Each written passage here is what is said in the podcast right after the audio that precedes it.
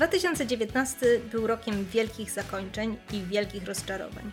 Dostaliśmy Endgame, dostaliśmy Jokera, Gry o Tron, Wiedźmina, Star Wars. Generalnie mieliśmy co oglądać. Jak rysuje się pod tym względem rok 2020? Z pewnością nie tak spektakularnie, ale czy jest na co czekać? No, coś tam się znajdzie. I właśnie o tym będziemy dzisiaj rozmawiać. Ja nazywam się Asia Brom i prowadzę bloga Wanna Pełna Zombie, a po drugiej stronie jest... Agata Jarząbowska z bloga Bałagan Kontrolowany. A to jest trzeci odcinek Fantropii, podcastu o popkulturze.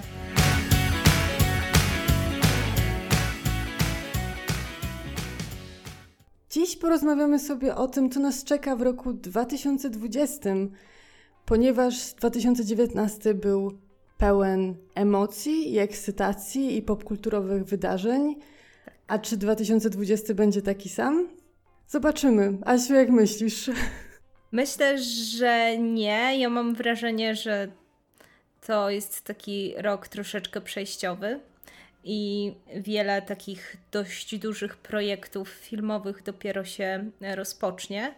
Więc ja jestem ciekawa, na przykład jak seriale Marvela z Disney Plusa ustawią całe uniwersum Marvela na całe kolejne lata. No ale tak zasadniczo to nie ma takich premier, na które czekam z niecierpliwością i nie ma takich premier, na które będę na przykład kupować bilety, wiesz, trzy tygodnie wcześniej z obawy, że nie będzie miejsc na premierze. Nie, nie wydaje mi się, żebym miała chociaż jeden taki film, na który faktycznie będę przebierać nogami. A ty?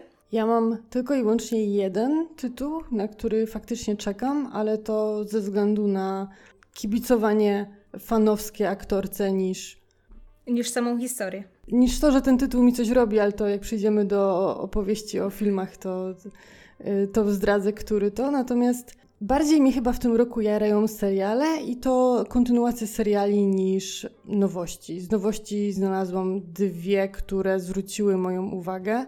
Ale też e, może powiemy na początku, to nie jest mm, rozpiska serialowo-filmowa, która w tym roku się pojawi. To jest nasze bardzo subiektywne zestawienie filmów i seriali, które nas zainteresowały w jakiś sposób, więc mhm. wiemy, że wiele seriali wraca w tym roku, bo bodajże w tym roku chyba wraca nawet Fargo, jeżeli dobrze pamiętam, ale tak. to nie jest rozpiska, na co warto czekać, tylko nasze subiektywne oczekiwania, co my włączymy. O, może w ten sposób.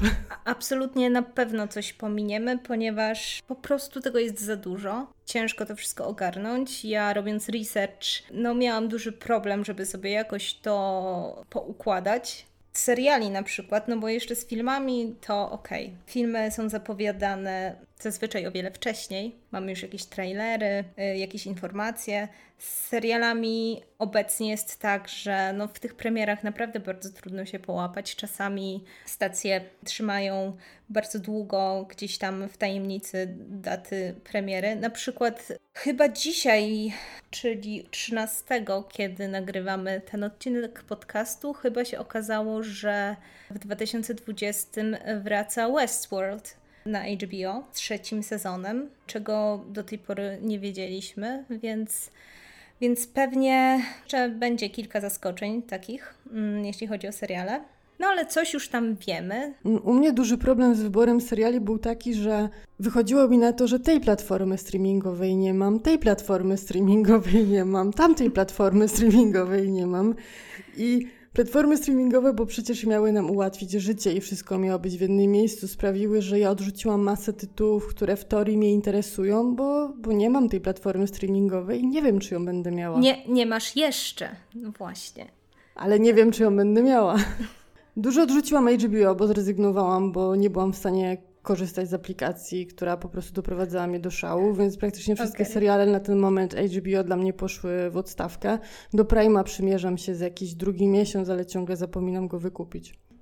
No, ja zrezygnowałam z Prima jakieś trzy miesiące temu, ale mam zamiar wrócić do subskrypcji, zwłaszcza, że mam na swojej liście oczekiwanych premier właśnie jeden serial z Prima więc, więc na pewno się będę zastanawiać, czy nie rzucić e, grosza Jeffowi Bezosowi, chociaż bardzo niechętnie to zrobię, ale, ale być może tak się stanie. Dobrze, to może przejdziemy do jakichś konkretnych tytułów. Zdecydowanie. Więc moi drodzy, seriale.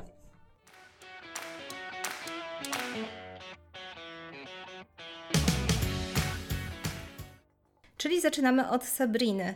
To jest Twoja propozycja i to jest również moja propozycja, bo też czekam na Sabrinę. Tak, Sabrina jest. Ja wiem, że wiele osób uważa Sabrinę jako taką typową guilty pleasure i, i serialem, który nic nie wnosi, przynajmniej tak wynoszę z komentarzy. Natomiast dla mnie to nie jest guilty pleasure. Ja naprawdę ją lubię i czekam na to, co będzie.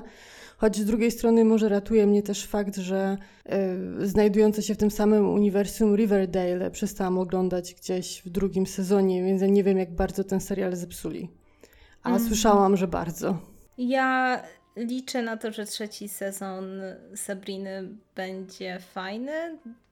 Drugi był ok, tak mi się wydaje, dobrze mi się go oglądało.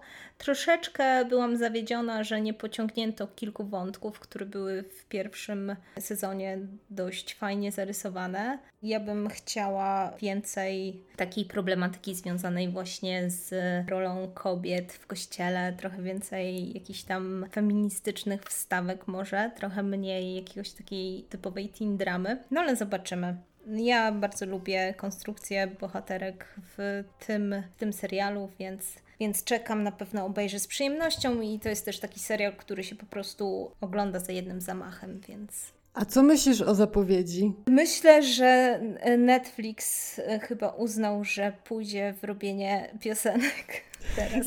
Jak dla mnie mogą mi Sabrina, Sabrina mi chodzi od trzech dni po głowie. Może zrobią jakiś, wiesz, crossover z Jaskrem. O Jezus. Słuchałabym. Tym bardziej, że Kiernan całkiem ładnie śpiewa, byłam zaskoczona. Mhm. Wiesz co, no, ale jest to jakiś ciekawy sposób promowania seriali i wydaje mi się, że Netflix zawsze był dość kreatywny w tych akcjach promocyjnych, więc wcale się nie dziwię, że szukają różnych nowych oryginalnych metod promocji swoich seriali. No a ten serial akurat no, jest takim serialem młodzieżowym, więc myślę, że ta forma całkiem pasuje. Także jest spoko. Na pewno czekam, a to już bardzo niedługo, bo już w styczniu, prawda? Tak, tak. U ciebie z kolei w kolejce jest finał Supernatural. Ja się przyznam, że zapomniałam, że oni mają finałowy sezon. Znaczy pamiętałam, jak pisałam o tym na blogu, ale zapomniałam totalnie, jak robiłyśmy tą listę. I porzuciłam Supernatural gdzieś w 13 albo 12 sezonie. Jak to brzmi?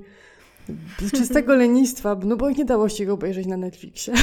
A to jest prawda, chociaż teraz jakiś czas temu Prime Video wrzucił. Chyba na polskim Prime Video możemy zobaczyć 9 sezonów Supernatural. A to nie wszystkie wrzucił?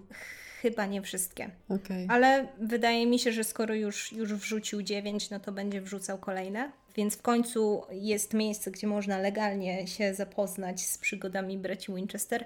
Ja tak dopisałam ten finał Supernatural w ostatnim momencie, bo też o nim zapomniałam, ponieważ także serial porzuciłam gdzieś w okolicach 13 sezonu właśnie. No i przez to, że właśnie dystrybucja serialu jest jaka jest, no ciężko jest mi go oglądać, ale, mm, ale napisałam ten, ten serial tutaj dlatego, że no to jest dość takie ważne wydarzenie i dla mnie i dla w ogóle fandomu, ponieważ no Supernatural jest z nami od 15 lat.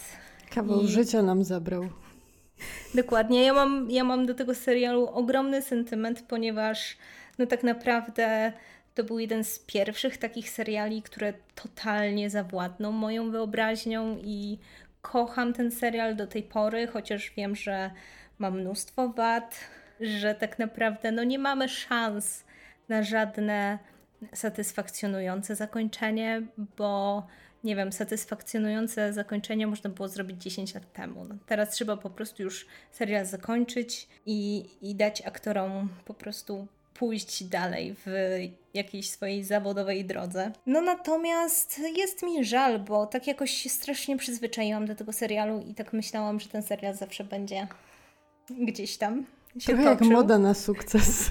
I, I zawsze będę narzekać, o Boże, ten serial jeszcze leci, kiedy to się skończy. No i w końcu się kończy i tak troszeczkę smutno. Chociaż wydaje mi się, że no fandom Supernatural jest już tak mocny przez te, przez te długie lata, urósł już tak bardzo, że ten serial nigdy nie straci na popularności. Myślę, że będzie przeżywał jeszcze drugą, trzecią, czwartą młodość, ponieważ cały czas są młodzi ludzie, którzy ten serial odkrywają. Mam nadzieję, że ten serial będzie też po tym, jak się zakończy, będzie też właśnie dystrybuowany w Polsce, może też trafi na Netflix, bo to przecież nie jest tak, że jeśli jest na Prime, no to już nigdzie więcej nie może być. Mhm. Z tego co wiem, no to filmy i, i seriale z Prime Video są również na przykład na HBO albo na Netflixie, więc tutaj ten content czasami się tam powtarza. Więc ja naprawdę czekam na ten moment, kiedy Supernatural pojawi się na polskim Netflixie i z pewnością wtedy wrócę do tego serialu i wszystkich zachęcam do Supernatural, przynajmniej do pierwszych pięciu sezonów, które są po prostu genialne i są w czołówce moich absolutnie najukochańszych seriali ever. To ja mogę zachęcić ze swojej strony jako osoba, która odkryła Supernatural, jak miał 9 sezonów. I ja do niego usiadłam chyba przypadkiem. I tak spędziłam dwa miesiące wakacji. Po prostu oglądałam go ciurkiem. Ja też myślę, że dlatego może te cztery późniejsze sezony, już po piątym do tego dziewiątego, nie zrobiły na mnie aż tak złego wrażenia, bo one są gorsze, ale jednak temu serialowi dużo daje oglądanie po prostu odcinek po odcinku, bez rozważania, czy to ma sens. Oczywiście. Ja też zaczęłam Supernatural oglądać, kiedy ten serial miał jakieś 9 właśnie albo 10 sezonów i ja nie spędziłam nad nim wakacji, ale spędziłam takie miesiące y, zimowe, chyba właśnie Boże Narodzenie, ferie i faktycznie też siedziałam w pokoju. Pamiętam to dobrze, byłam na studiach, miałam dużo czasu i oglądałam od godziny 12 e, do godziny 4 nad ranem krótki, krótki sen i dalej. To był mój moje takie naj, największe ciągi binge-watchingowe w życiu. Także jeśli to jest jakaś rekomendacja, no to, to naprawdę za zachęcamy do, do Supernatural. No i zanim przejdziemy dalej, jest to serial wybitnie memogeniczny i gif gifogeniczny. Oni mają gifa nawet na to, że mają gifa. No tak, no bo y, fa fandom Supernatural ma gifa na wszystko i to jest potwierdzone absolutnie. Więc zachęcamy mocno.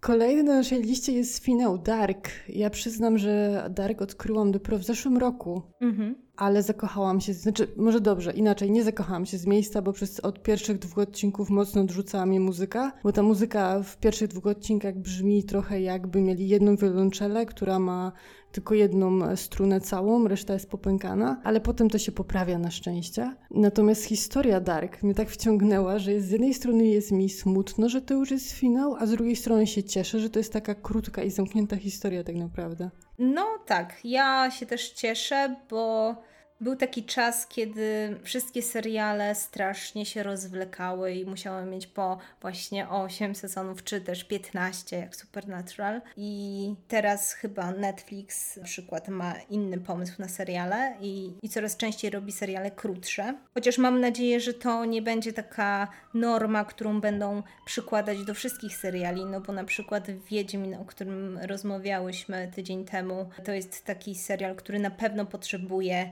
więcej niż trzech sezonów, żeby opowiedzieć swoją historię, ale jeśli chodzi o takie oryginalne historie, powiedzmy, które nie zasadzają się na żadnej y, książce, to trzy sezony jest, to jest całkiem ok. Ja jestem absolutnie za, żeby nie rozciągać seriali tak bardzo. I Dark jest bardzo dobrym serialem i fakt, że go obejrzałam, a to jest serial niemiecki, to już świadczy o tym, że musi być dobry, bo ja nie lubię języka niemieckiego, nie lubię słuchać języka niemieckiego, natomiast przekonałam się do Dark. Jest to bardzo taki intrygujący serial. Nie jestem pewna, czy on jest aż taki, powiedzmy, genialny i głęboki, jak ludzie uważają. Myślę, że jest w nim mniej niż nam się wydaje, natomiast no jest to na pewno dobra rozrywka. To, co mnie w Dark wciągnęło, to jest to, że On jest tak poprowadzony, że wszystko jest tam logiczne. Nie ma tego zaskoczenia widza na siłę, tylko jednak idzie się domyślić, kto jest kim, bo tam mamy te przeskoki czasowe, tajemnice, kto tak naprawdę pełni jaką rolę. I to jest na tyle logicznie poprowadzone, że ja się paru rzeczy domyśliłam. Pod koniec pierwszego sezonu zaskoczyły mnie chyba tylko dwie rewelacje. I to mi się strasznie podobało. Dla mnie to było świeże, że jak siedzę i oglądam serial uważnie, to ta historia ma ręce i nogi, a nie po zakończeniu sezonu siedzę i myślę, no ale to nie miało sensu, przecież to z niczego nie wynika. Mm-hmm. To było dla mnie w Darek niesamowite. Jasne, pewnie jakby rozpisać całą tą historię na kartce, no to na pewno są tam luki, bo nie wierzę, że nie. Ale równocześnie, jak się go tak ogląda, to mi się nigdzie nie wyświetlała taka lampka. Dobra, ale tu przeczycie sami sobie. Nigdzie mm-hmm. tego nie było. Mm-hmm. Myślę, że z pewnością jest kilka takich rzeczy, natomiast ja też nie jestem taką osobą, która bardzo e, rozkminia i bardzo rozkłada wszystko na czynniki pierwsze. No chyba, że jakaś fabuła, czy to serialowa, czy filmowa, ma jakieś takie ewidentne dziury, które widać na pierwszy rzut oka i one zaczynają już drażnić, ale tak generalnie jest to naprawdę e, świetny serial i on też tak naprawdę zapoczątkował taką modę i też taki model, y, który Netflix teraz będzie stosował u siebie, czyli te seriale oryginalne po prostu nieanglojęzyczne. I o tym też będziemy mówić, bo mamy na naszej liście jeszcze dwa, dwie takie produkcje nieanglojęzyczne, które mogą być ciekawe. Także ja bardzo kibicuję temu pomysłowi Netflixa, żeby wprowadzać większą różnorodność w swoje seriale. To ja tu zostanę przy temacie różnorodności, bo mój chłopak wciągnął się w kryminały na Netflixie i po prostu zaczął oglądać tak, jak mu Netflix zaczął je podsuwać. I mówi, że z kryminałów typowo anglojęzycznych, amerykańskich przeszedł płynnie do brytyjskich, potem do mhm. francuskich, belgijskich, norweskich, ostatnio jakiś turecki oglądał. Tam jak się wejdzie i pokopie, to Netflix ma naprawdę ciekawe produkcje z innych krajów, tylko no trzeba poszukać. No tak, ale też właśnie Netflix chyba chce bardziej promować te, te produkcje, więc, więc na pewno na pewno gdyby nie sukces Darka, no to by się nie udało. Ok, teraz przechodzimy do czegoś, o czym można pewnie dyskutować w, nie wiem, w osobnym podcaście, czyli tak zbiorczo serialem Marvela w Disney+. Z tego co wiemy obecnie, no to w 2020 roku możemy się spodziewać dwóch seriali: The Falcon and the Winter Soldier i e, WandaVision, który został ostatnio przesunięty właśnie 2021 roku na 2020, trochę wcześniej wyjdzie. I ja jestem bardzo, bardzo ciekawa, jak wyjdą te seriale. Nie dlatego, że strasznie lubię te postacie, bo to nie jest prawda, ale jestem ciekawa, w jaki sposób wzbogaci się nasze filmowe uniwersum Marvela, bo jak wiemy, sam Kevin Feige przyznał, że no jeśli chcemy zrozumieć wszystko, co pojawi się w, w nadchodzących filmach, no to będziemy musieli znać też seriale. Przyznam, że mnie to irytuje, bo jednak mm, mam coś takiego, że filmy powinny jeżeli mają seriale obok, to te seriale w tych filmach powinny być mrugnięciem do takim mrugnięciem oka do widzów, którzy znają seriale, ale równocześnie, jeżeli ja oglądam tylko filmy, to powinna mieć prawo rozumieć wszystko, co się dzieje. Strasznie mm mnie denerwuje zmuszenie mnie, no jeżeli chcesz zrozumieć film, który zrobimy za dwa lata, to musisz obejrzeć trzy sezony serialu. To znaczy tak, po pierwsze nie trzy sezony, tylko po no, jednym na no razie. No tak, no ale wiesz o co chodzi. A, a po drugie, mnie to absolutnie nie dziwi. Znaczy nie ma przecież lepszego sposobu do właśnie zmuszenia niejako fanów do subskrybowania Disney Plusa. Ale mi się wydaje, że nie ma co zmuszać do, do subskrybowania Disney Plusa. Fani biegną do Disney Plusa i wręcz płaczą, że go nigdzie nie ma, więc. Wiesz co, jakby Disney Plus na razie nie ma takiej oferty, żeby jakoś bardzo, bardzo biec do tego, do, do tego Disney Plusa i, i, i Marvel to będzie jakby najważniejszy filar tego serwisu streamingowego. W związku z tym, no ja się w ogóle nie dziwię, że oni to tak wykombinowali, że dajemy seriale, które nie tylko będą jakimś takim ekstra dodatkiem, ale będą naprawdę ważnym elementem uniwersum. No i szczerze mówiąc, no Marvel i Disney zapracowali na to przez te wszystkie lata zbierania i fandomu, i zbierania dobrych recenzji, i w ogóle tworzenia tego misternego uniwersum, oni sobie mogą teraz pozwolić na to, żeby powiedzieć: Słuchajcie, musicie oglądać też seriale, żeby wiedzieć, co się dzieje. Ale ja myślę, że to jest takie Oczywiście gadanie y, dla samego gadania i troszeczkę dla promocji Disney Plusa, no bo wiemy, że filmy z MCU zawsze były robione tak, żeby można było je obejrzeć nawet jak nie znałaś innych filmów. One dobrze się wpasowywały w całą historię, ale też działały jako takie e, standalone tak zwane, więc myślę, że, że tak też będzie w kolejnych fazach MCU, że będzie można zobaczyć, ale, ale to wcale nie będzie aż takie, aż takie konieczne.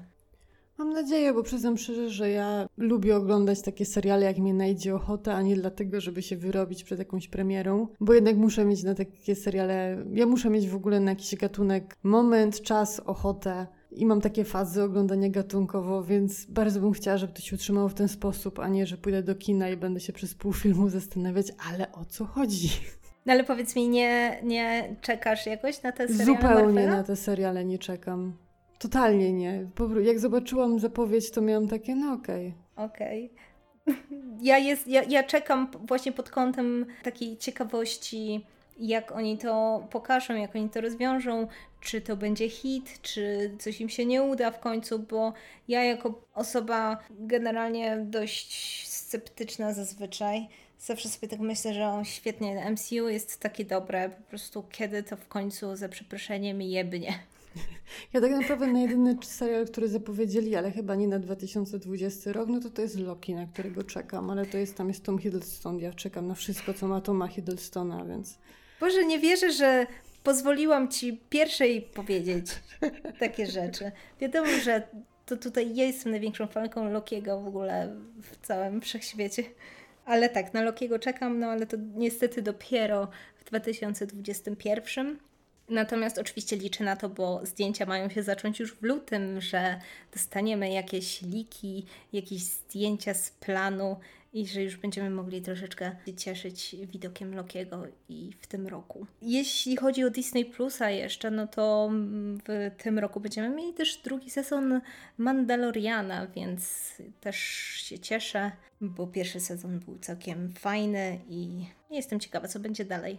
To ja przejdę teraz do finału Lucyfera, ponieważ e, Lucyfer jest serialem, który Netflix dosłownie uratował. I to nie dlatego uratował, że odkupił go od stacji, teraz nie pamiętam której, e, za nic nie pamiętam, na której stacji był Lucyfer wcześniej, ale dlatego, że, ma, że Netflix wykupił ten serial i dał mu całkowicie nową jakość i zrobił z niego zupełnie coś innego, bo Lucyfer wychodził od takiego serialu typu CSI, ale z diabłem w roli głównej, mhm. który ma 24 odcinki, połowa to są zapychacze oczywiście w środku.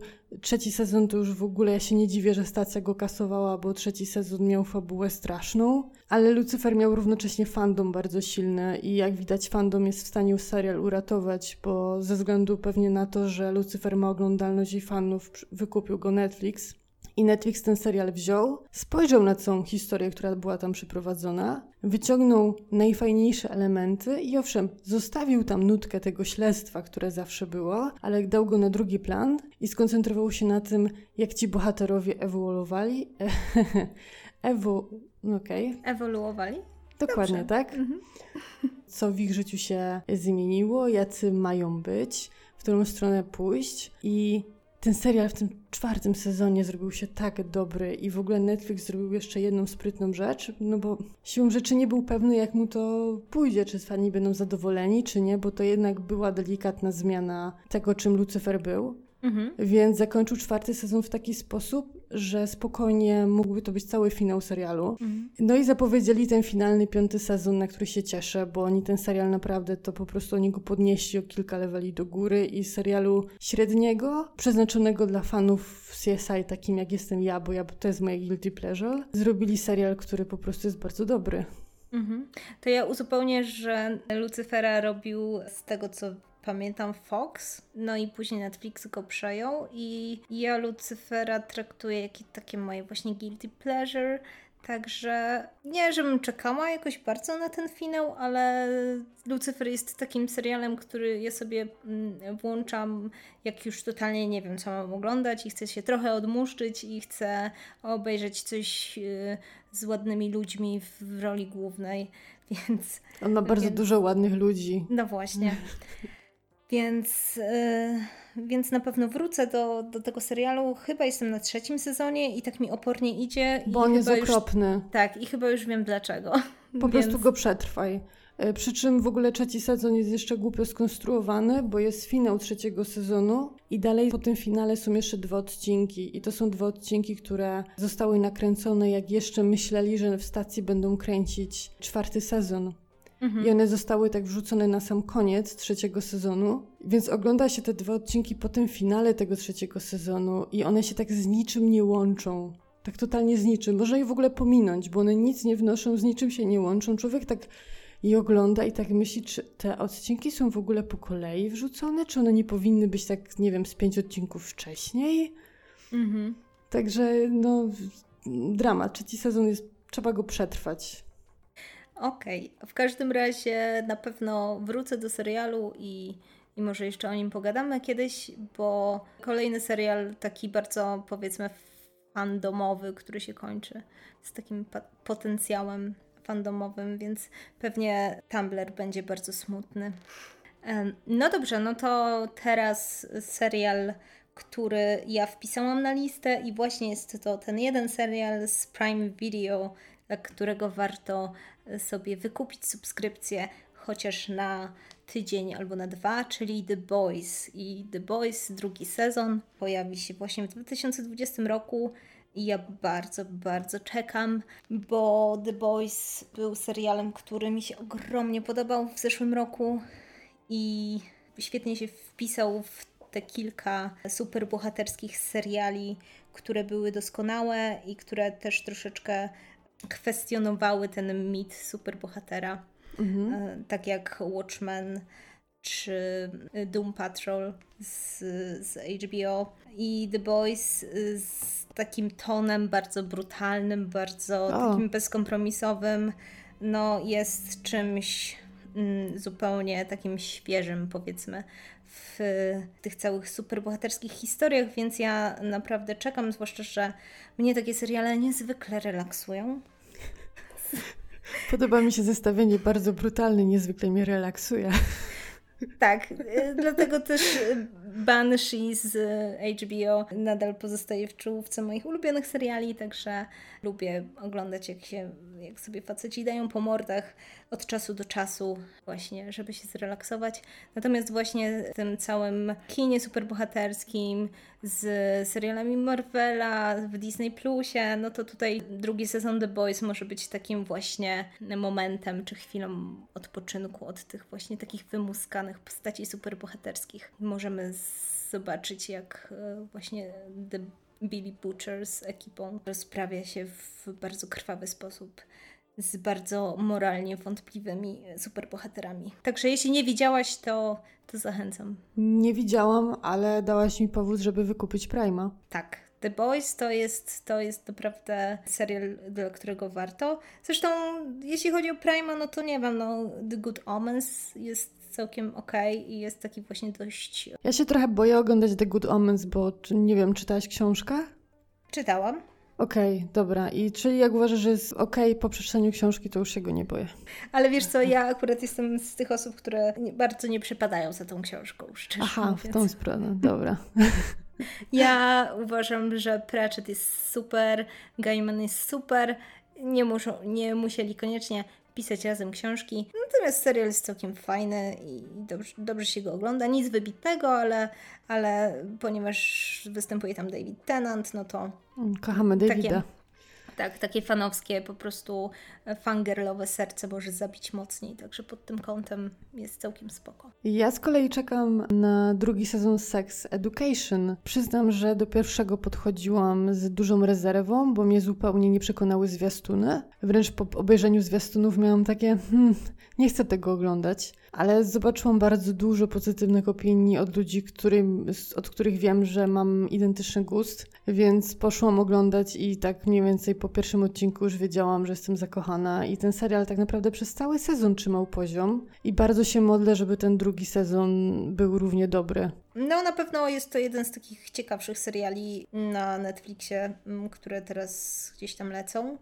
Ja powiem Ci szczerze, że chyba nie dokończyłam tego serialu, ale nie dlatego, że mi się nie podobał, tylko dlatego, że e, pewnie miałam jeszcze 10 innych rozpoczętych i gdzieś tam mi umknął, ale z pewnością być może przy okazji właśnie premiery e, drugiego sezonu do niego wrócę. Zwłaszcza, że tam chyba odcinki nie są zbyt długie, więc to jest też taki serial, który można sobie walnąć przy kawce czy tam herbatce. Nie, on ma chyba standardowe 40 minut. Wydaje mi się, że nie ma dłużej. 40 mi się wydawało, że to jest taki serial, który ma pół godziny albo 20 minut. Nie, wydaje mi się, może źle pamiętam. Ale wydawało mi się, że ma 40 minut. Ale mogę źle pamiętać. No nic, no w każdym razie jak serial jest fajny, no to może mieć i 60 minut i, i dobrze się go ogląda, także jest okej. Okay. Kolejne, same Netflixy prawie mamy. Tak, tak no ja mówię, ja odrzuciłam wszystko, czego nie mam, mam Netflixa. Ale wiesz co, bo tak sobie myślę, właśnie patrzę, że nie mam tutaj żadnego serialu z HBO i prawdopodobnie dlatego, że no, że nic takiego powiedzmy znanego czy spektakularnego nie zauważyłam, ale z pewnością jestem pewna, że, że na HBO w tym roku pojawią się jakieś bardzo dobre seriale, bo zawsze się pojawiają. E, w zeszłym roku przecież mieliśmy Czarnobyl i na pewno nikt nie czekał na Czarnobyl i nikt nie miał pojęcia, że coś takiego w ogóle wyjdzie na HBO, a tutaj się okazało, że wow, było ekstra. Ja Czarnobylu nie, od, nie uruchomiłam, bo e, jestem w trakcie książki o Czarnobylu, to się bodajże nazywa Czarnobylska modlitwa, jeżeli mnie Aha. pamięć nie myli, ale nie dam za to głowy w tym momencie. Tak, tak, Czarnobylska modlitwa, bo też I, ją czytam. I ta książka wywołała we mnie tak traumatyczne ja, ja po prostu nie jestem w stanie jej czytać, ona jest dla mnie traumatyczna dosłownie, więc jak wyszedł mi serial o Czarnobylu i po prostu jak usłyszałam, że w trzecim odcinku jest zabijanie zwierząt, o tym jest w książce mhm. i tak sobie pomyślałam, nie, to jest po prostu serial, który mniej więcej odzwierciedla tą książkę i ja nie będę w stanie go oglądać. Zupełnie nie. Znaczy ja czytam tę książkę i ja ją sobie kupiłam po obejrzeniu e, właśnie Czarnobyla, ponieważ po prostu byłam zafascynowana tematem. Ta książka jest właściwie opowieścią ludzi, którzy zostali wysiedleni z tamtych terenów albo z ludzi e, z Białorusi, którzy bardzo ucierpie, ucierpieli przy okazji tej, tej katastrofy. No natomiast serial jest zupełnie czymś innym, chociaż są oczywiście tam pewne motywy, które się w tych historiach czarnobylskiej e, modlitwie pojawiają, ale e, absolutnie no, nie, tak nie może być. Musisz dać szansę temu serialowi, bo jest to naprawdę wybitne i no warto, warto to jest. Albo na przykład, e, dobra, jak nie Czarnobyl, to Years and Years, czyli Rok za rokiem. To miałam na liście, ale już zdążyłam zrezygnować z HBO wtedy. A, widzisz. Ale w każdym razie chcę powiedzieć tyle, że na pewno nikt nie czekał na te seriale, a one się pojawiły i były naprawdę doskonałe, więc ja tutaj, y, jeśli chodzi o HBO, nie mam żadnych oczekiwań, tylko po prostu będę przyjmować to, co mi będą dawać, więc Teraz przejdziemy tak naprawdę do dwóch seriali, które, o których wspominałyśmy trochę na początku. To są seriale, które nie są anglojęzyczne. Mhm. I pojawią się na Netflixie. Dokładnie. I pierwszy z nich jest to serial W głębi lasu i jest to, uwaga, uwaga, polska ekranizacja powieści Kobena. Mhm. Tak naprawdę tyle o tym serialu wiem, bo tyle o nim znalazłam. Natomiast jestem o tyle ciekawa, że. No powiedzmy sobie szczerze, no, jestem ciekawa współpracy, tak jak mamy Wahatę, która jest polską produkcją mhm. dla HBO, jestem ciekawa e, polskiej produkcji dla Netflixa i mam nadzieję, że będzie fajna. Zwłaszcza, że pierwsza produkcja polska dla Netflixa, czyli 1980 4, tak? Chyba tak. tak się nazywał ten serial. No to to była jednak wielka porażka. Ja szczerze mówiąc nie oglądałam tego serialu, ponieważ no staram się nie oglądać seriali, które są totalnie złe, bo szkoda mi trochę czasu. Więc tutaj mam nadzieję, że ten akurat wyjdzie, a jest y, ku temu myślę wielka szansa, bo my jesteśmy dobrzy w takich mrocznych kryminałach, więc myślę, że że może być naprawdę dobrze. A nie, czekaj, teraz znalazłam. Mam całe dwa zdania więcej o tym serialu. On będzie miał dwie linie czasowe. Mhm. Jedna będzie w 1994 roku, a druga mhm. będzie w 2019. 19. Mhm. I całość opowiada o prokuratorze, który musi się zmierzyć z historią e, z dzieciństwa, w którym to zaginęła jego młodsza siostra. Więc zapowiada się w sumie kryminał, dramat, thriller, coś w tym stylu. Ja bardzo lubię takie seriale, bo ja właśnie kryminały, true crime, wszelkie, po prostu wszystko, co jest mroczne i są morderstwa, to ja bardzo chętnie przyjmę, więc więc z pewnością, z ciekawością tutaj podejdę do tego serialu i ja się y, powiem szczerze, że coraz bardziej przekonuję do jakichś tam polskich produkcji. Na przykład Watacha jest jeszcze przede mną, bo już dałam się skusić właśnie pozytywnym recenzjom. Zawsze jednak sobie gdzieś tam te polskie seriale, nawet z HBO, zostawiałam mm, na nieokreślone potem ale myślę, że, że dam szansę, tak samo jak zaczęłam oglądać Roysta, który się ostatnio pojawił na Netflixie, w spadku po Showmaxie, także, także mam nadzieję, że to będzie też niezły serial. A teraz przejdźmy może do Into the Night, czyli serialu, który nie jest polski, ale jest na podstawie książki polskiego autora Jacka Tukaja. I to jest książka, spróbuję wymówić nazwę. Starość Axolotla? Tak, starość Axolotla, dokładnie. Ja jestem ciekawa na ile, bo nie wiem, znasz książkę, czytałaś? E, nie czytałam, ale powiedzmy, że znam ją troszkę, bo czytałam opisy, też było mi to potrzebne do o, takiego pewnego zadania zawodowego, które robiłam swego czasu, bo robiłam stronę internetową, która promuje tą książkę. Więc... O, gratulacje. tak, więc musiała, musiałam się zapoznać troszeczkę z klimatem e, tej książki i z tego co wiem, e, akurat serial będzie na jakichś luźnych motywach z tej mhm. książki, mm. więc to nie będzie jakiś, e, jakaś taka powiedzmy wierna adaptacja, zwłaszcza, że chyba książka Dukaja jednak opowiada o robotach albo o powiedzmy ludziach, którzy sobie jakby przenieśli czy też grali świadomość właśnie w takie robotyczne ciała, ponieważ po prostu nastąpiła jakaś apokalipsa i on, oni jakby wspominają swoje swoje dawne życie, kiedy jeszcze posiadali ciała. Więc tutaj mamy taki bardzo mm, mocny wątek takiego transhumanizmu. Nie wiem, jak to będzie w, w serialu, bo serial ma być taką trochę postapokalipsą. Znaczy w ogóle opis na Netflixie brzmi: Gdy słońce zaczyna zabijać wszystko, pasażerowie nocnego lotu z Brukseli zaczynają walczyć o życie, więc chyba nie mamy co liczyć na roboty.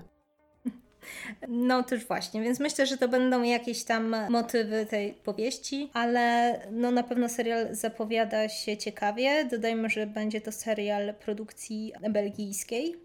I to podobno jest w ogóle pierwszy serial belgijski dla Netflixa, tak znalazłam. Nie wiem na ile to jest prawda, bo nigdy nie interesowałam się, czy na Netflixie są seriale belgijskie, w sensie produkcji net, Belgii dla Netflixa stricte, natomiast podobno jest to pierwszy, więc w ogóle mhm. ciekawe, że na podstawie książki polskiego pisarza pierwszy belgijski serial. Mhm. No ale wiesz, Dukaj jest y, no, takim, nie wiem na ile jest popularnym pisarzem na świecie, natomiast on na pewno jest warty tego, tego, by adaptować jego, jego historię. A one są bardzo wymagające tak naprawdę, ale myślę, że ta historia może być ciekawa, zwłaszcza, że no właśnie temat powiedzmy jakiejś tajemnicy, przetrwania w trudnych warunkach, jakiejś postapokalipsy, właśnie transhumanizmu itp. No to jest samograj tak naprawdę, więc...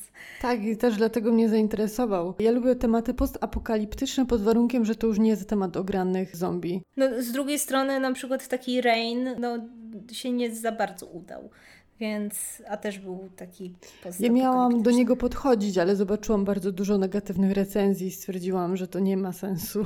Natomiast też warto dodać, że w tym serialu będą maczać palce właśnie i Dukaj i Bagiński, którzy będą chyba um, producentami tego serialu, więc... I fajnie. Cieszy mnie to. Tak, więc, więc Bagiński robi karierę w Netflixie, bo przecież też odpowiadał za, za Wiedźmina. Tak, tak. Także możemy się spodziewać bardzo ciekawego serialu.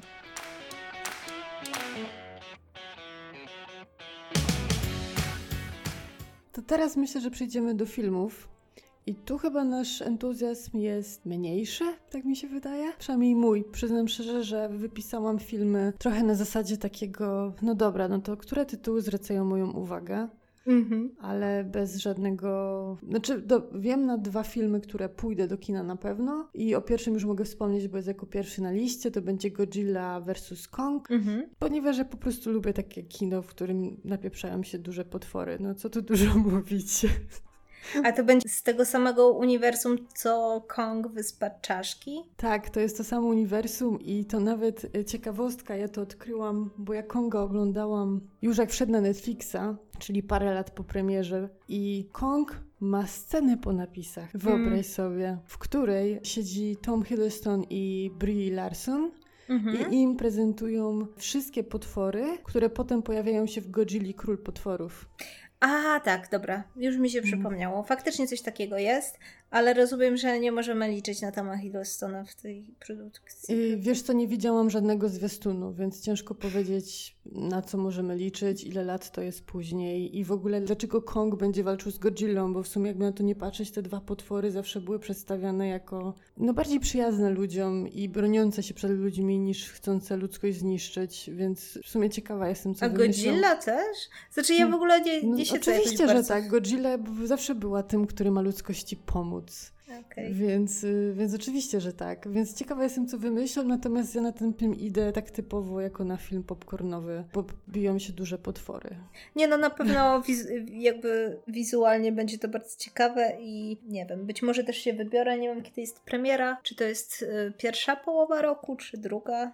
Jest, Przyznam masz... szczerze, że nie pamiętam, ale nie ma jeszcze zwiastunu, więc pewnie Aha. bliżej środka. Mhm. Być może będę tak wypuszczona i tak głodna blockbusterów, że pójdę też na ten film właśnie dlatego, że no nie ma niczego takiego bardzo spektakularnego. Jakby wszystkie rzeczy takie najważniejsze blockbusterowe wydarzyły się w 2019 roku i tutaj, no nie wiem, no mamy dwa filmy Marvela na przykład, ale mój entuzjazm jest powiedzmy taki średni, bo mamy Czarną Wdowę i e, Eternals w tym roku. Znaczy jestem ciekawa, zwłaszcza Eternals, bo Czarnej Wdowy nie aż tak bardzo. Może dlatego, że wiemy, co się z tą postacią stało. W związku z tym już aż tak bardzo mnie nie interesuje, co tam... No właśnie dla mnie film Czarnej Wdowy w tym momencie to jest takie zrobienie Marvela na zasadzie przepraszamy, że nie zrobiliśmy go wcześniej. Macie. Mm.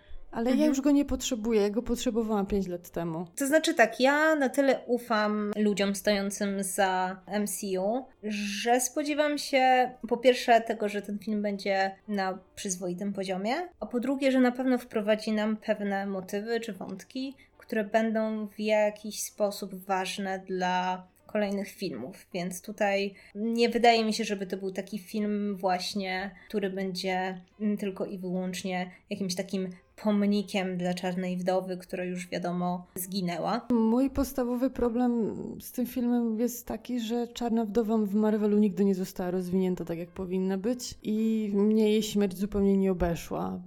No okej, okay, zginęła. To Więc prawda. dla mnie ten film teraz, w tym momencie jest takim, powinniście go dać wcześniej, żeby mnie obeszła jej śmierć jakikolwiek film o niej powinniście dać wcześniej, albo dać jej jakiś ważny wątek w którymś filmie. Teraz mhm. już mnie ona nie obchodzi, bo nie żyje. No, jakkolwiek brutalnie to brzmi, no to tak troszeczkę czuję e, też. Ale tak jak mówię, może to będzie jakieś zaskoczenie. Mam nadzieję. E, tak Mam jak wiesz, nadzieję.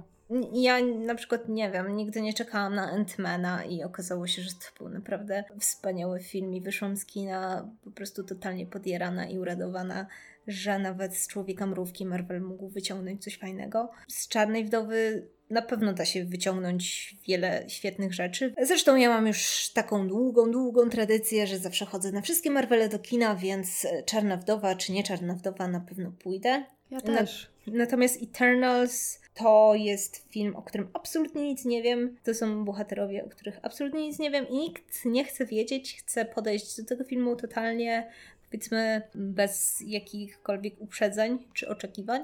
Wiem tylko, że obsada jest bardzo gwiazdorska. Będziemy mieli no, na przykład naszych ukochanych Starków, Kita Harringtona, Madena i będziemy mieli Angelinę Jolie i, i w ogóle mnóstwo ciekawych osób tam gra, więc czekam, zwłaszcza, że no, to będzie taki film, myślę, który będzie właśnie ustawiał jakby kierunek, w którym te kolejne filmy Marvela będą szły. Przyznam szczerze, że miałam nadzieję, że mi trochę przybliżysz fabułę, bo siedzisz w tym bardziej ode mnie, ale widzę, że to, że to nie dziwne, że nic nie wiem, skoro nawet ty nie doszłaś do żadnych informacji większych o tym filmie. Żeby nie było, że jesteśmy po prostu takimi ignorantkami, myślę, że przed premierą filmu dowiemy się czegoś i porozmawiamy sobie o naszych oczekiwaniach. Żeby nie było, że tak totalnie podchodzimy bez żadnego pomyślunku do popkultury. Przecież tutaj trzeba po poważnie podchodzić, prawda? Tak, za każdym razem. Wiesz co, ja ci powiem tak w sumie, robiąc dygresję, że, że ja mam teraz o wiele większy luz niż jeszcze kilka lat temu, kiedy faktycznie śledzenie popkultury było dla mnie czymś bardzo, bardzo poważnym i zawsze musiałam po prostu przeczytać mnóstwo rzeczy, po prostu pięć komiksów, przynajmniej jakieś tam plotki z planu, żeby w ogóle się jakoś przygotować. Teraz mam luz, chcę się cieszyć po prostu tymi produkcjami, chodzić do kina na luzie i, i nie traktować tego jakoś bardzo, bardzo poważnie. Więc no, nadal czekam na MCU, chociaż muszę powiedzieć szczerze, że po Endgame, wiesz, tak para mi zeszła, bo to wiesz, te całe napięcie budowane przez lata i w końcu ten spektakularny finał, który był naprawdę satysfakcjonujący dla mnie. I tak sobie pomyślałam, cholera, tyle emocji, muszę odpocząć trochę. Więc mamy dość dużą przerwę. Oczywiście był, był jeszcze Spider-Man, ale, ale myślę, że jak wyjdzie Black Widow, czy, czy później właśnie Eternals, no to już będę troszeczkę głodna tego Marvela, więc chętnie pójdę do kina. Od Marvela sprawnie przejdziemy do DC i czy czekasz na Ptaki Nocy? Nie. To znaczy, jestem ciekawa. Trailery były całkiem ok. Wiadomo, że DC y, jakby zaczęło się wyrabiać, więc.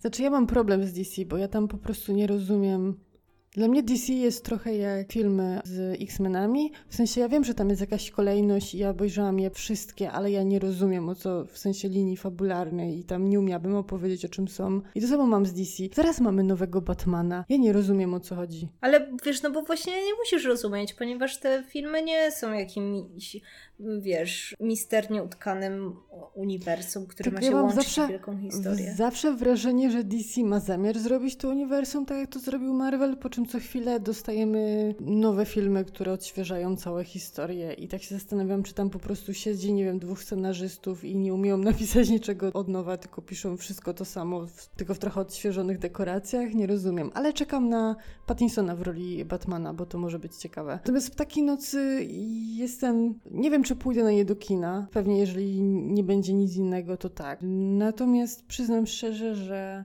zwróciły moją uwagę swoim zwiastunem i dlatego się tu przede wszystkim znalazły. Ale czy wyląduję w kinie i będę je oglądać, to ciężko jeszcze na ten moment powiedzieć. Ja generalnie przyjmę wszystko, co, co bierze na warsztat właśnie jakieś kobiece bohaterki komiksowe i, i coś, coś ciekawego próbuję z nimi robić, więc tutaj jestem tego bardzo ciekawa. Jeśli, powiem tak, jeśli recenzje będą dobre, to się wybiorę do kina.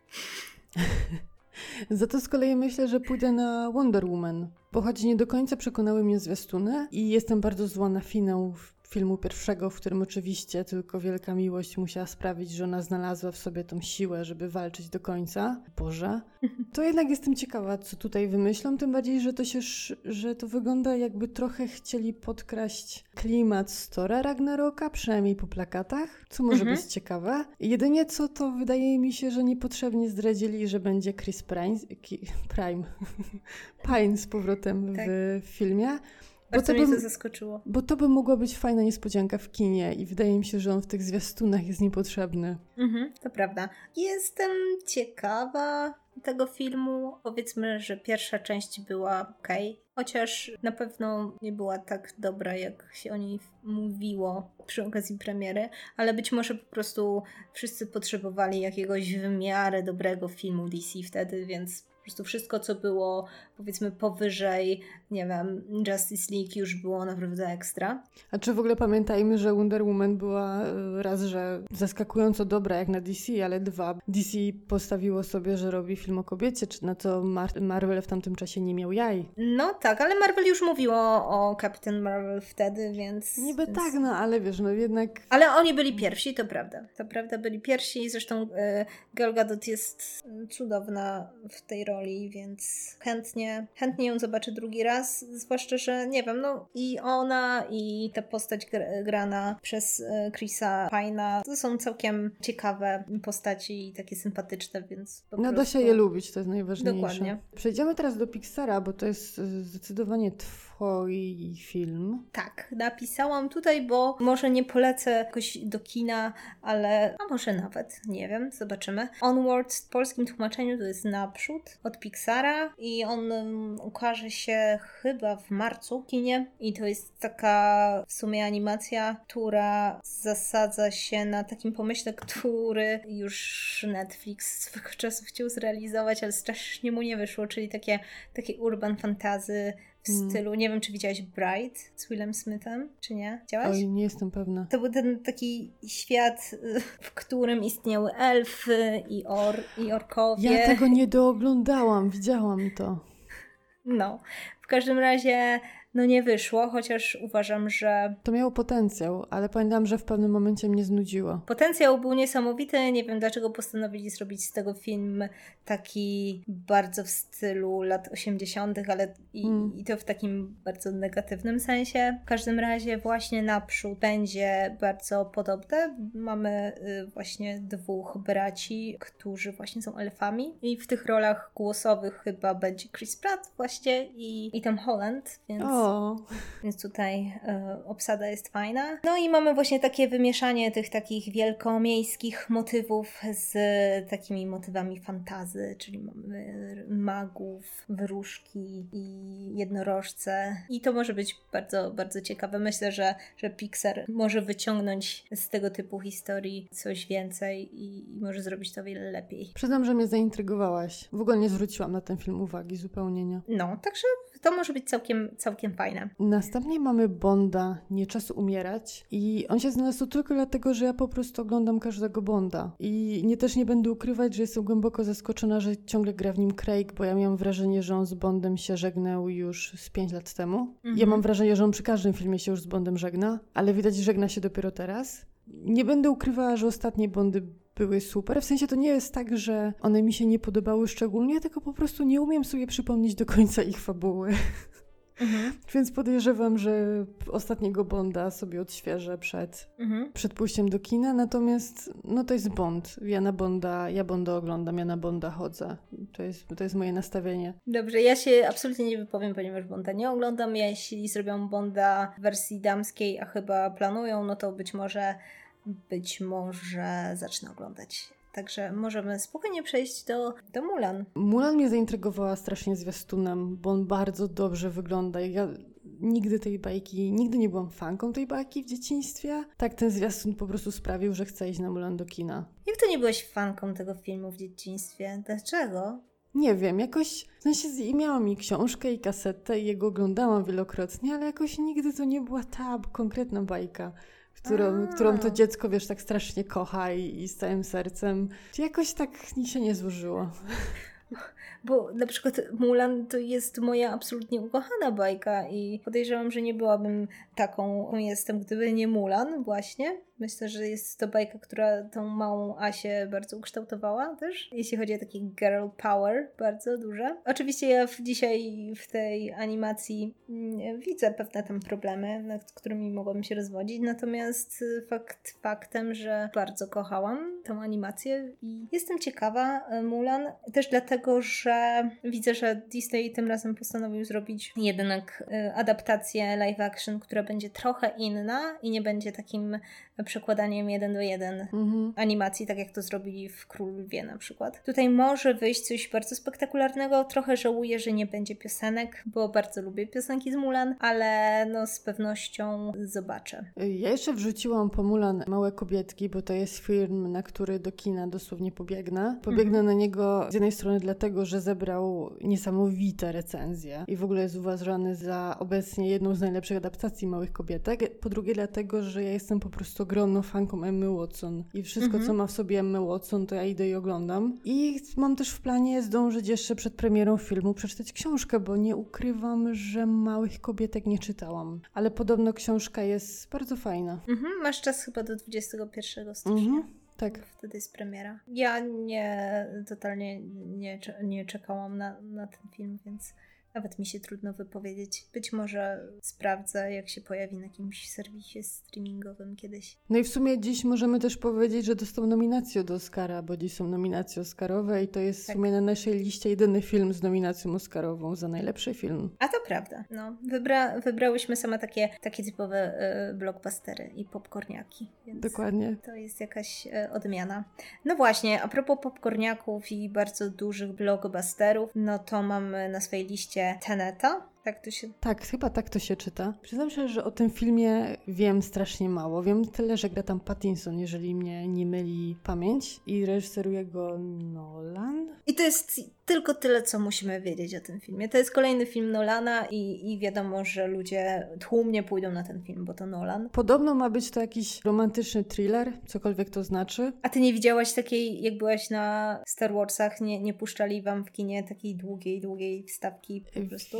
To trochę się sp spóźniliśmy się trochę na reklamę, więc może ją przegapiliśmy. Tam był taki motyw z atakiem terrorystycznym w jakiejś sali koncertowej. To była taka bardzo długa scena i chyba trwała jakieś 8 minut i szczerze mówiąc... Nie, to na pewno jej nie widziałam. Na nie? pewno nam nie puszczali, nie. To był absolutnie najdłuższy zwiastun filmu, jaki widziałam i już szczerze mówiąc zaczęłam się denerwować, że trafiłam na jakąś inną salę. Nie wiem, czy tak masz, jak siedzisz w kinie i, i właśnie jakiś trailer trwa za długo i zastanawiasz się, cholera, czy jestem w dobrej sali, czy, czy nie poszłam przez przypadek na jakiś inny film. Zdarzyło mi się to, jak oglądałam, jak kiedyś nam puścili trailer filmu Wegi, bo jego zwiastuny są jak po prostu mini filmy, które streszczają całość, więc już tak siedziałam i tak myślałam, na pewno to jest zwiastun, na pewno mi nie puścili filmu, proszę, żeby to był zwiastun. No tak. No w każdym razie, jeśli chodzi o Teneta, to właśnie ma taką, taki sposób promocji, że widzimy taką dość rozbudowaną sekwencję. Ja nie jestem jakąś wielką fanką Nolana, szczerze mówiąc. Dla mnie to jest trochę przerost formy nad treścią, ale z pewnością jest to reżyser, który przynajmniej próbuje coś oryginalnego do kina wprowadzić, coś swojego, coś, coś autorskiego, więc tutaj absolutnie trzeba go za to szanować. I no będę, będę obserwować jak tam te wszystkie głosy, recenzje się będą układać i, i być może się wybiorę do kina. Mhm. I ostatnia pozycja, którą dopisałam dosłownie chyba 10 minut przed rozpoczęciem nagrywania tego podcastu, czyli Morbius. Bo mi się w ogóle zapomniało o Morbiusie, a dzisiaj akurat i to dosłownie wiem, jakąś godzinę, może dwie godziny temu wyszedł trailer Morbiusa. Morbius to jest film na podstawie komiksów Marvela. Jest to film robiony przez Sony i już nawet w trailerze mamy kilka takich easter eggów z, ze Spidermana. Okay. I w Morbiusie główną rolę gra, gra Jared Leto, który miejmy nadzieję nie postanowił zrujnować po prostu Marvela tym razem. po, po swoim spektakularnym failu jako Joker. Z tego, co widzimy w trailerze, no to kolejny raz Jared Leto bardzo poświęca się do swojej roli, o ile te wstawki z tym takim wychudzonym właśnie Morbiusem to jest faktycznie ciało Jared Leto, no to, no to znowu chłopak po prostu się głodził. Ale przyznam szczerze, wielokrotnie zastanawiam się, na ile to jest potrzebne, żeby aktor był faktycznie aż tak wychudzony, a na ile mógłby być po prostu szczupły. Znaczy, mo można by było zrobić tak jak, nie wiem, w pierwszym Kapitanie Ameryce, czyli po prostu wstawić głowę aktora do po prostu jakiegoś wątłego ciała. No przecież jakby w tych pierwszych sekwencjach nasz Kapitan Ameryka wcale nie jest tak dobrze zbudowany. W każdym razie Morbius będzie czymś w rodzaju wampira, więc jeśli mm. lubisz wampiry, no to może Cię zainteresuje ta produkcja. No widać, że Sony bardzo się stara zaproponować fanom Marvela coś ciekawego. Właśnie właśnie na przykład w ostatnich sekundach trailera pojawia się Michael Keaton jako Vulture, którego widzieliśmy w pierwszym Spider-Manie, więc tutaj naprawdę są takie wstawki, które łączą tak naprawdę Morbiusa z, właśnie ze Spider-Manem, no i też pośrednio właśnie z całym uniwersum Marvela. Fajnie, fajnie to brzmi, w ogóle o nim nie słyszałam. Także trailer jest, szczerze mówiąc, on jest robiony tak troszeczkę bardzo na siłę, ma taką muzykę strasznie taką e, epicką i, i spektakularną okay. i jest robiony, wiesz, troszeczkę tak jak trailery Avengers, więc tak troszeczkę jakby na siłę chciał się wpisać właśnie w ten taki, mm. wiesz, super bohaterski hype Marvelowy. No nie wiem, no, zobaczymy. No. Jakby może, można dać szansę. Może Jared Leto się tutaj nam odkupi. Jak nie, no to, że tak powiem, pewnie wszyscy fani będą skandować, żeby nigdy więcej nie brał udziału w żadnej firmie superbohaterskiej. Super nie gra w dramatach.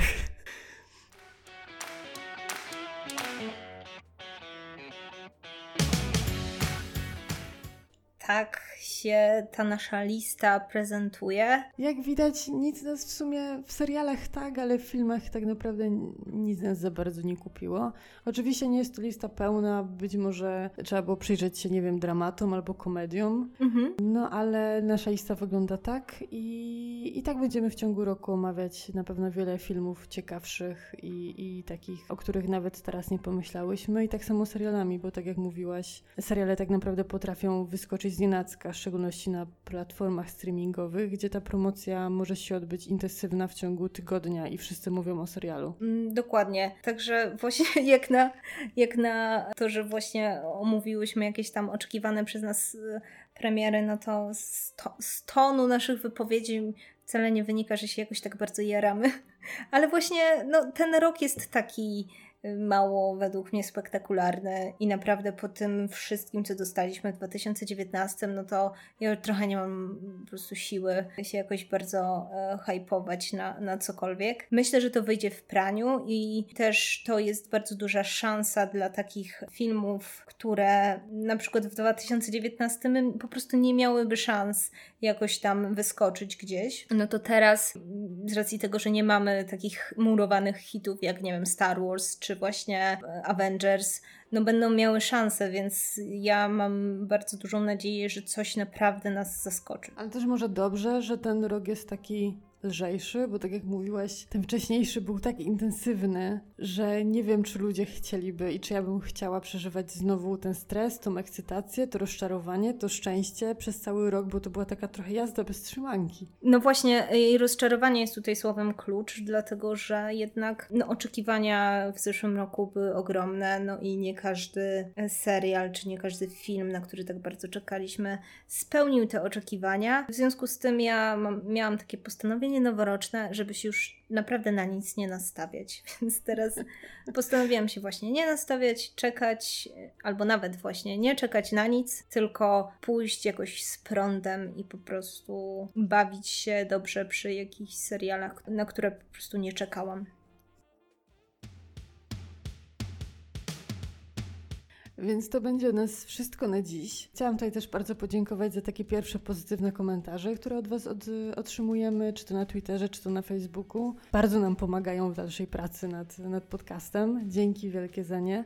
Tak, dziękujemy. Ten odcinek jest taki wyjątkowy, no, ponieważ zahaczamy o mnóstwo różnych filmów i seriali. Mam nadzieję, że będziemy jeszcze robić takie odcinki troszeczkę bardziej na zasadzie zestawień, natomiast na pewno w przyszłych odcinkach będziemy chciały się skupiać jednak na jakimś konkretnym zagadnieniu, żeby było tak zwięźle i na temat. Nie będziemy się tak bardzo rozwodzić i rozwadniać na różne osobne tematy, prawda? Tak, zdecydowanie taki jest nasz cel. Znaleźć nas możecie na Spotify, na YouTubie i na An Ankorze. Mhm. Ankorze oraz oczywiście na Facebooku. Za wszelkie lajki, polecenia i komentarze będziemy Wam bardzo, bardzo wdzięczne. Tak, a więc do usłyszenia za tydzień. Cześć. Cześć.